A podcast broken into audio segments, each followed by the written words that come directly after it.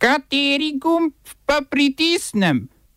Tisti, na katerem piše OF. Venezuelski predsednik obtožuje ZDA sprožitve državnega udara.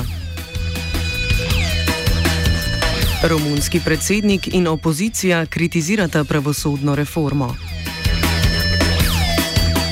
Predsednik Zimbabveja obljublja preiskavo nasilja nad protestniki.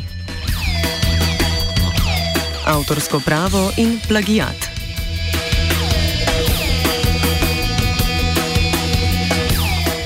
Venezuelski predsednik Nicolás Maduro se je na videoposnetek ameriškega podpredsednika Mikea Pensa odzval z napovedjo popolne revizije diplomatskih stikov med državama in Združene države obtožil sprožitve poskusa državnega udara v Venezueli. Podpredsednik Pence je namreč pred današnjim napovedanim opozicijskim protestom izrazil podporo opoziciji in protivladnim protestnikom. Njegovo sporočilo, da Združene države Amerike stojijo s protestniki, je Maduro interpretiral kot ameriški ukaz za izvedbo državnega udara in tako kot še nevideno dejanje v zgodovini odnosov med državama. Pred današnjimi protesti pa je floridski senator Marco Rubio venezuelske vojake pozval naj na protestih ne streljajo na protestnike. Protesti opozicije bodo zbrani okoli Juana Guaida, predsednika parlamenta, v katerem ima večino opozicija, vendar pa mu je Maduro zmanjšal pristojnosti. Guaida želi vzpostaviti prehodno vlado, ki da naj poskrbi za nove volitve.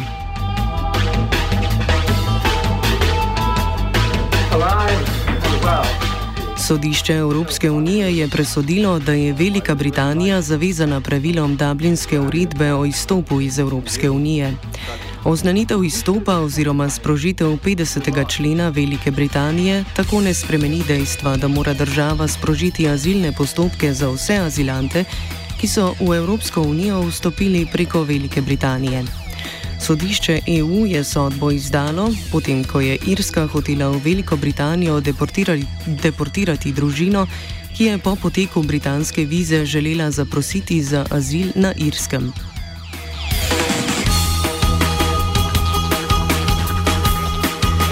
Po najnovejšem predlogu spremembe romunskega sodnega sistema bi politiki obsojeni korupcije po letu 2014 lahko sprožili ponoven postopek ugotavljanja krivde. Predsednik Klaus Johannis je odločbo pravosodnega ministra Tudorela Toaderja, člana vladajoče stranke PSD, oznanil kot poskus rehabilitacije članov stranke PSD in predvsem nekdanjega premijeja Livija Dragneje, ki ob zmagi PSD-ja leta 2016 zaradi obtožbe korupcije ni mogel postati premijer. Pravosodni minister svojo odločbo utemeljuje na mnenju Ustavnega sodišča iz novembra 2018. Ustavno sodišče je takrat namreč presodilo, da je bil po letu 2014 eden izmed petih sodnikov na sodišču, ki presoja pritožbe na sodbe, nepravilno nastavljen na svojo pozicijo. Možnost razveljavitve vseh krivih obsodb zaradi korupcije bi tako poleg primerja Livija premijeja Livija Dragneja lahko sprožila še ponovno obravnavo 350 primerov. Poleg predsednika Johannisa, ki povdarja, da zakoni ne morejo veljati retrogradno in stranko PSD obtožuje koristoljubja, odločbi nasprotujejo tudi opozicijske stranke. Ustavno sodišče bo svojo presojo ministr, ministrove odločbe izrazilo novembra.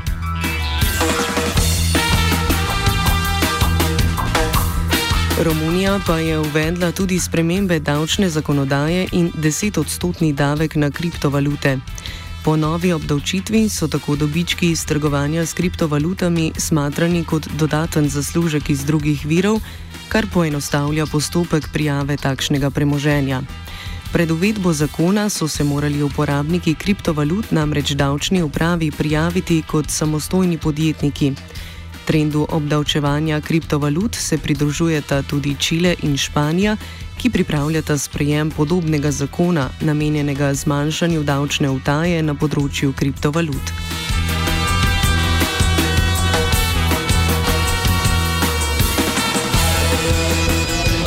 Predsednik Zimbabveja Emerson Nangagwa je napovedal preiskavo nasilja vojske in policije nad protestniki, potem ko je strani vlade ustanovljena Komisija za človekove pravice v poročilu kritizirala nasilje varnostnih sil in sistemsko mučenje protestnikov, ki je po njihovom privedlo do osmih smrtnih žrtev.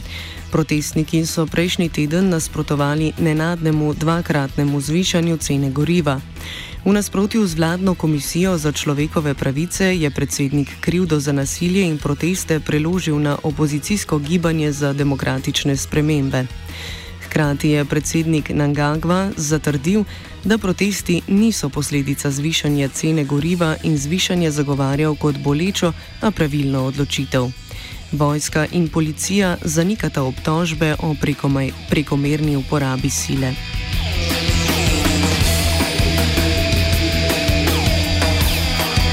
Tajski kralj je razglasil, da bodo 24. marca potekale parlamentarne volitve. To bodo prve volitve po državnem udaru maja 2014, na katerem je po vsedržavnih protestih vojaška hunta odstavila stranko Puataj. Izvedba volitev je postala mogoča decembra 2018, ko je vojaška oblast ukinila omejitve političnega zbiranja.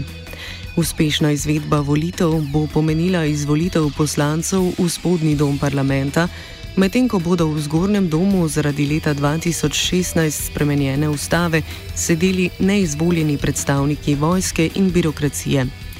Poleg leta 2014 odstavljene stranke Puataj, ki je sicer zmagala na vseh volitvah od leta 2001, se bo v volilni boj podal tudi Prijo Čianoka, vodja državnega upora leta 2014.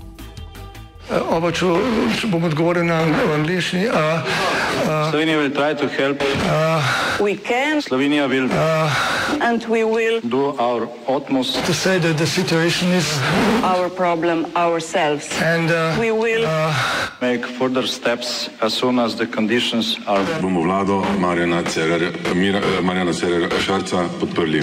Very, very serious. News from Slovenia. We know how and we will.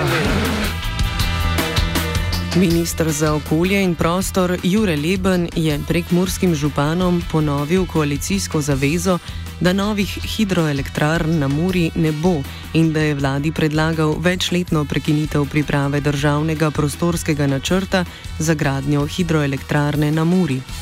Dravske elektrarne Maribor že od 2012 pripravljajo državni prostorski načrt in s tem gradnjo dveh hidroelektrarn.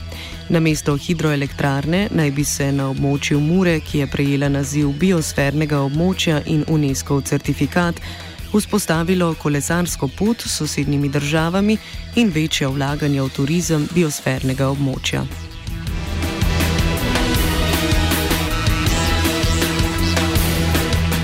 OF je pripravila Geja.